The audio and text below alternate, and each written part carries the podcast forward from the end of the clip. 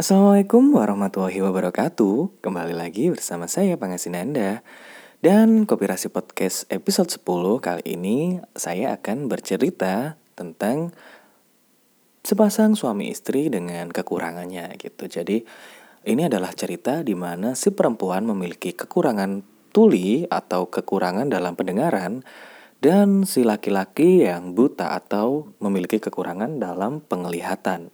Seperti itu. Nah, di sebuah cerita ini diceritakan bahwa sepasang suami istri ini hidup bahagia dalam rumah sederhana yang jauh dari keramaian kota seperti itu. Udah pada suatu ketika si perempuan sedang memasakkan bubur di dapur dan kemudian di apa ya disamperin gitu sama si suaminya gitu.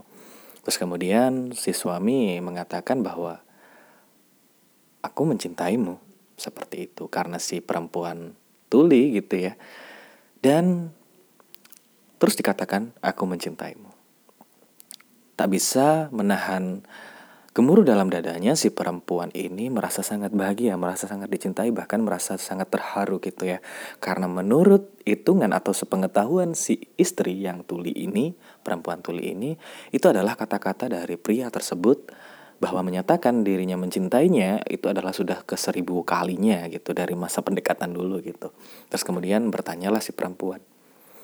Banyak perempuan yang cantik di luar sana tapi mengapa engkau memilihku yang memiliki ketulang, kekurangan yang tuli gitu ya, ketulangan sampai kekurangan yang turi, tu, tuli ya.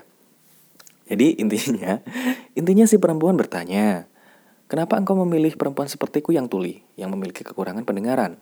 Padahal banyak perempuan di luar sana yang lebih sempurna. Lalu kemudian si laki-laki menjawab, Kenapa aku tidak memilihmu, sementara engkaulah yang mampu menerimaku. Sementara karena ketulianmu, aku jadi merasa tenang karena tidak akan ada laki-laki yang bisa menggodamu dengan segala rayuannya dan segala janji-janji manisnya. Itu jawaban dari si laki-laki. Kemudian laki-laki juga tidak mau kalah dong perempuan apa uh, suaminya tadi, maka si suami bertanya kepada istrinya tadi. Terus kemudian bagaimana denganmu?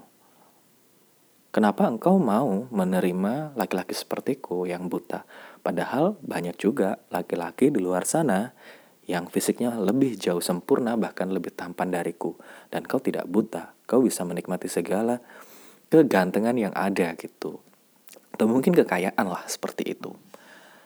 Si perempuan menjawab, justru aku bahagia karena itu kamu. Mungkin laki-laki di, di luar sana banyak yang ganteng gitu ya. Banyak yang kaya dan banyak yang bisa menjanjikan banyak hal kepadaku. Tapi ketika laki-laki lain berkata kepadaku, itu semua tidak berlaku. Berbeda dengan saat kamu yang mengetahui aku tuli, tapi kau terus mengatakan kau mencintaiku. Dan kata-kata itu akhirnya tidak hanya terdengar dengan telingaku, tapi terdengar oleh hatiku. Itu kata perempuannya. Maka, dan aku juga merasa sangat beruntung ketika memiliki laki-laki yang buta sepertimu. Karena apa? Karena terus terang dan jujur, aku pencemburu. Karena aku pasti tidak akan rela ketika aku memiliki orang yang aku cintai dan dia itu normal, bisa melihat dengan matanya dan melihat keseksian atau mungkin keindahan dari perempuan-perempuan lain di luar sana. Pasti aku sangat cemburu. Ya, aku memang pencemburu. Kemudian mereka saling berbahagia dan berpelukan dengan sangat uh, penuh kasih sayang seperti itu kisah itu berakhir begitu saja dengan saling saling menerimanya kedua orang tersebut. Dari kisah tersebut sebenarnya kita bisa mempelajari sesuatu sih kan ya. Jadi uh, si perempuan itu merasa beruntung padahal laki-lakinya cacat matanya tidak bisa melihat. Sementara laki-lakinya juga beruntung padahal uh, si perempuannya tuli dan itu malah di, disyukurin sama laki-lakinya karena bukan disyukurin syukur gitu ya bukan tapi lebih kayak di anggap sebagai itu adalah keberuntungan buat laki-laki mendapatkan perempuan yang tuli karena dia menjadi tenang karena si perempuan tidak akan pernah tergoda oleh janji-janji manis dari laki-laki yang lain seperti itu. Dari situ kita bisa belajar bahwa kekurangan seseorang bisa jadi uh, keberuntungan yang akan dirasakan oleh orang lain seperti itu dan rasa aman, rasa nyaman gitu ya. Dan dari situ kita juga bisa mengetahui bahwa ternyata memang benar cinta itu hanya akan membawa bahagia ketika kita mencintai seseorang itu dengan segala keterkurangannya. Kita bisa menerima seseorang itu dengan segala apa adanya tanpa memandang apa pun. Bahkan yang menjadi kelemahan bisa menjadi atau bisa terlihat sebagai kelebihan dari orang yang kita akan cintai tersebut. Dari sini saya juga akan menyimpulkan bahwa cinta itu sendiri hanya akan berisi kebahagiaan karena penderitaan hanya akan berasal dari ego dan nafsu semata. Kalau yang pernah saya baca kemarin gitu ya, saya pernah membaca kata-kata yang bagus nih. Jadi di situ dikatakan bahwa jika kita mencintai seseorang dan kita masih tersiksa akan rindunya, maka level dari yang kita sebut cinta tadi masih sebatas dengan mata dan raga, belum ke tahap jiwa dan hati. Jadi ketika kita masih rindu atau kangen berat gitu ya, kangen yang tidak wajar, ya berarti kita masih dalam tahap cinta itu secara fisik, raga dan dan mata gitu ya. Nafsu lah intinya gitu karena fisik dan mata itu kaitannya erat dengan dengan apa namanya nafsu gitu. Sementara cinta yang dengan hati dan jiwa maka mereka akan saling percaya, mereka akan saling nyaman, mereka akan saling tentram dan mereka akan saling tahu kalau mereka sudah saling menerima seperti itu dan tidak akan ada pengkhianatan karena Tuhan memang mengatakan bahwa manusia diciptakan secara berpasang-pasang gitu ya. Yang jujur maka dengan yang jujur, yang bohong dengan yang bohong, yang setia pasti akan juga juga dengan yang setia gitu.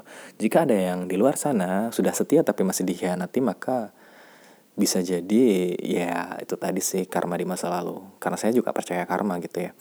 Jadi ketika mungkin saya sendiri pernah dibohongi karena memang mungkin saya juga pernah berbohong gitu seperti itu. Karena saya pun juga masih manusia dan kita semua masih sama-sama belajar kalian semua yang mulia dan saya yang hina gitu sih. Iya menyanjung pendengar nih ceritanya. Enggak sih ya gitu. Jadi kenapa saya pernah dibohongin? Karena ya terlalu gobloknya saya aja gitu ya. Dan sebenarnya saya nggak nggak pernah sih seseorang berhasil ngebohongin saya karena karena karena karena karena karena eh, enggak lah itu rahasia. Dan apa sih nggak jelas. Ya intinya saya nggak pernah atau mungkin saya berusaha untuk tidak tidak tidak bohong dalam hal sedikit apa pun.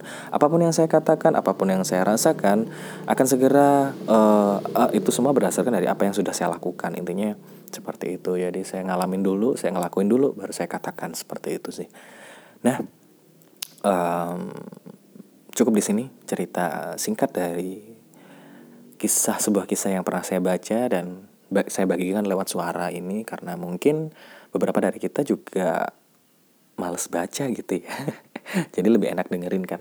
Akan ada lagi nanti di episode selanjutnya yang mungkin kooperasi ini menceritakan sebuah kisah gitu ya. Tentunya dengan versi saya dan kesimpulan menurut pandangan atau pemikiran saya secara subjektif. Nah, kira-kira seperti itu. Oke, kooperasi episode 10 apa sampai kepleset-pleset lidah lidah gue nih lidah saya. Ya enggak ya inilah. Eh, kopirasi uh, enggak lah. Kopirasi episode 10 saya tutup dan kalian jangan lupa makan jangan lupa sarapan sarapan. Jangan lupa bahagia tentunya. Semoga kalian selalu bahagia. Wassalamualaikum warahmatullahi wabarakatuh